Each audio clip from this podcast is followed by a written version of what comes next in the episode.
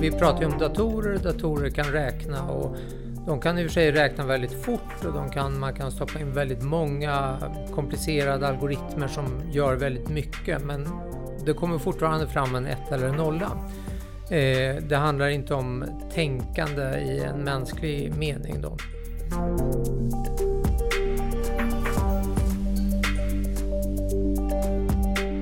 En fördel med autonoma vapen kan ju vara just att de inte har mänskliga egenskaper, de kan inte bli rädda, de kan inte hata. Och sen kan man använda det exemplet som du använde där, att en, en, en eh, nackdel är avsaknad av empati till exempel.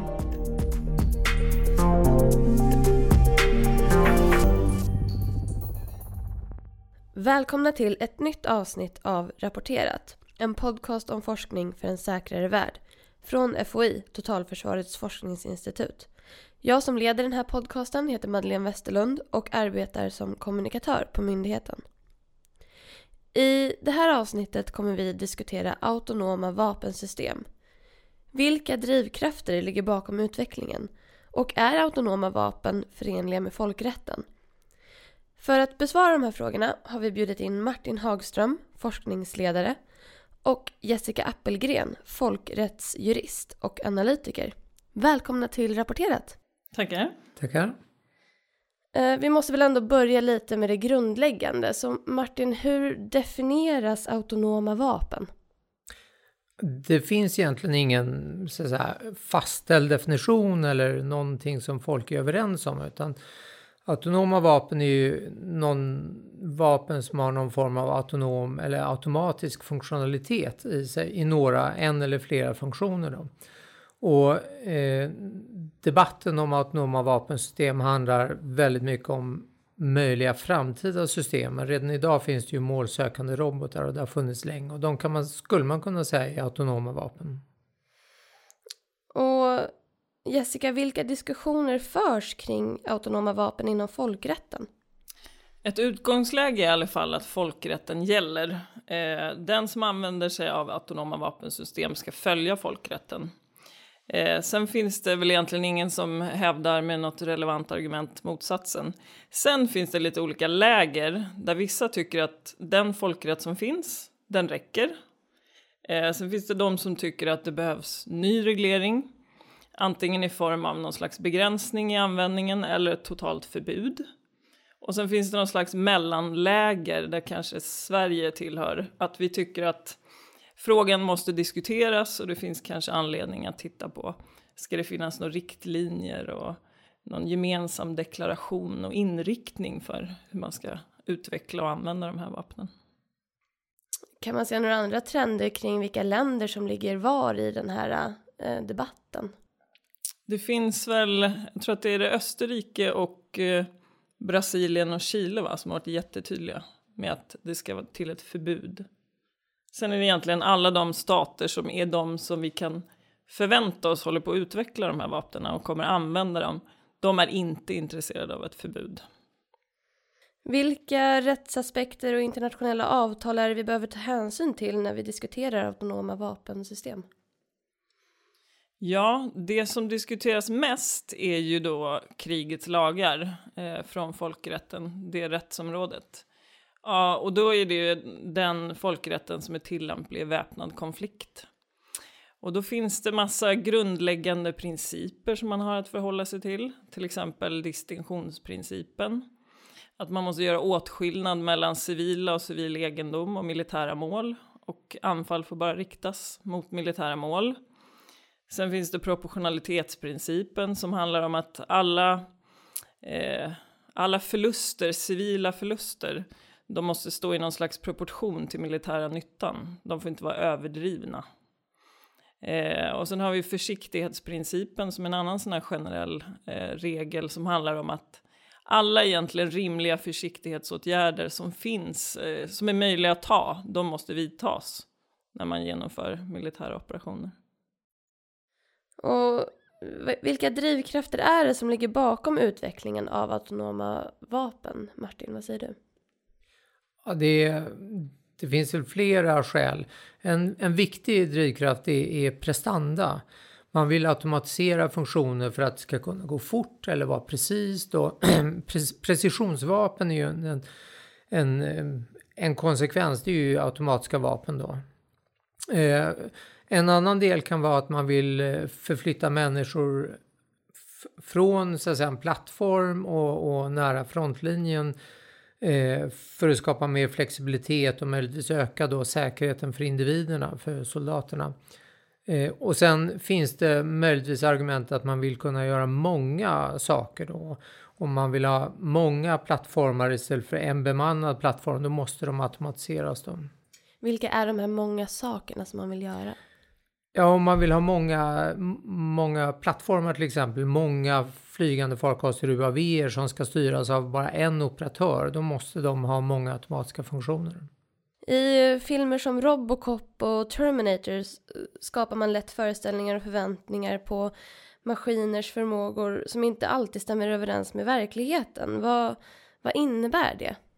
Ja, jag skulle säga att det är väldigt effektfullt ju att porträttera de här maskinerna som någon slags självständiga väsen som är väldigt människoliknande och de existerar helt separat ifrån oss. Och de har någon slags egen fri vilja. Så det eldar ju på lite fruktan att tekniken ska kontrollera människan i framtiden och inte tvärtom. Men eh, att använda sig av mänskliga egenskaperna när man beskriver maskiner skapar ju mest bara förvirring. För att det ser inte riktigt ut så. Tekniken funkar inte så. Och vi ser väl inte framför oss att den kommer funka så heller riktigt.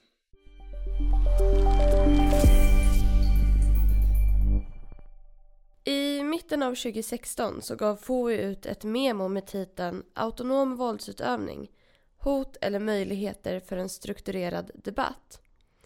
En slutsats i det här memot var att maskiner då endast kunde räkna.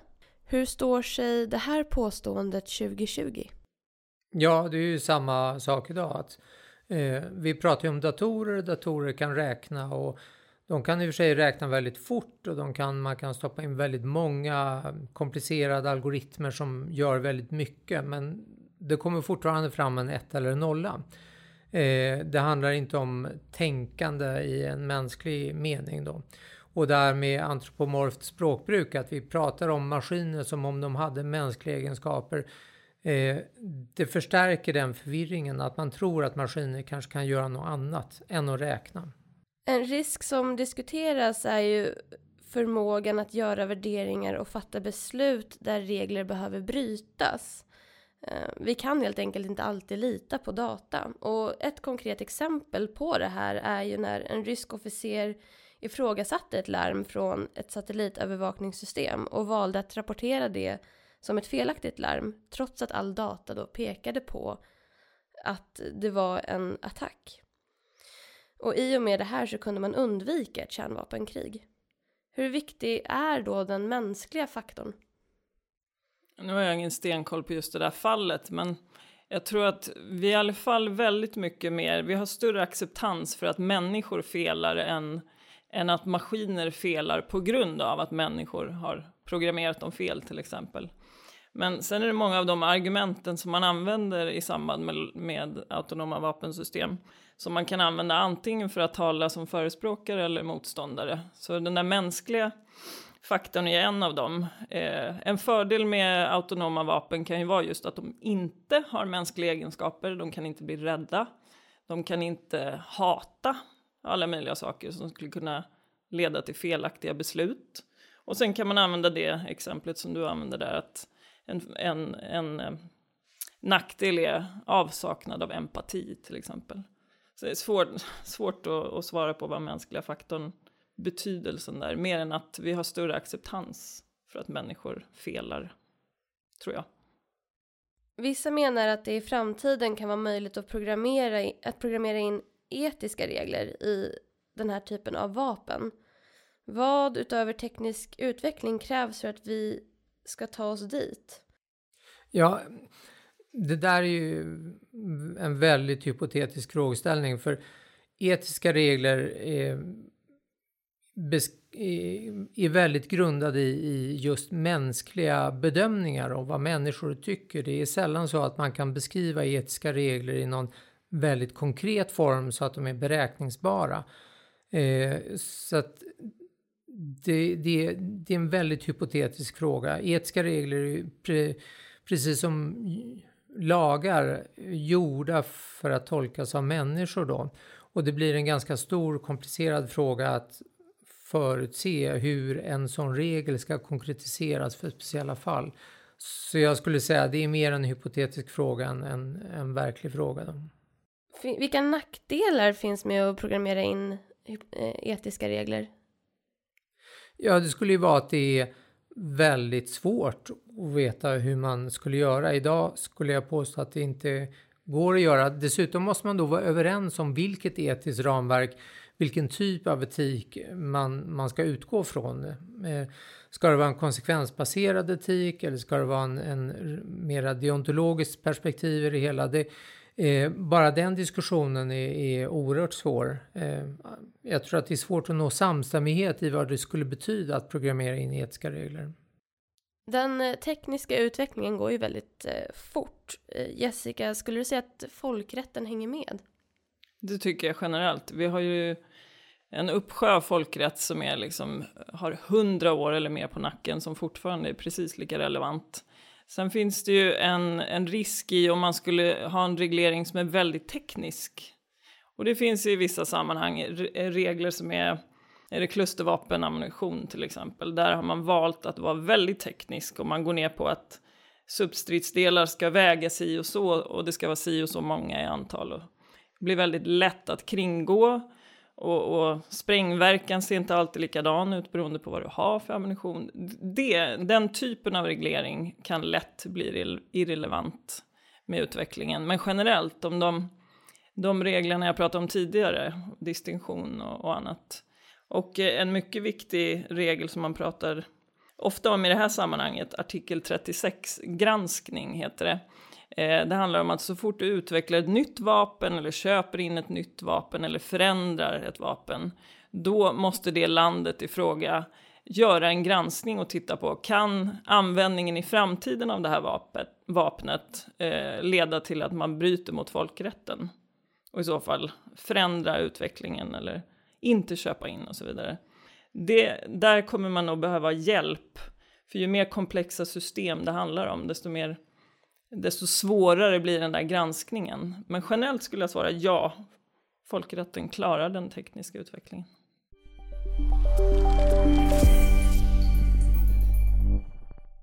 Så ska vi se den här utvecklingen som ett hot eller som en möjlighet? Vad säger ni?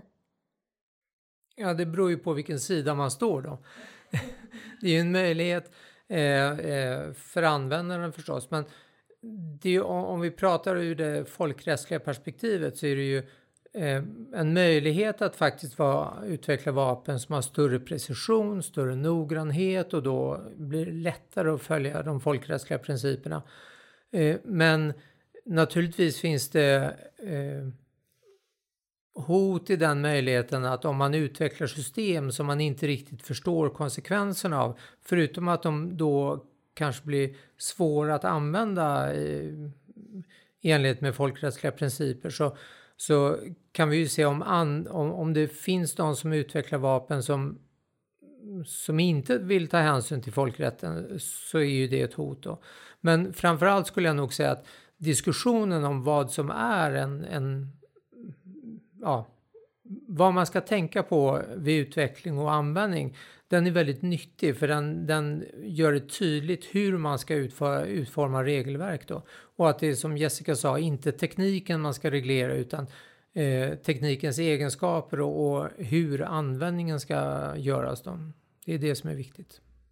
Och då pratar man, nu pratar man ju om meningsfull mänsklig kontroll i mångt och mycket. Och det divideras om vad innebär det egentligen? Och hur ska den kontrollen se ut? Och hur ter den sig i olika steg från utvecklingen av ett vapen och den långa kedjan fram tills någon faktiskt använder vapnet i fråga.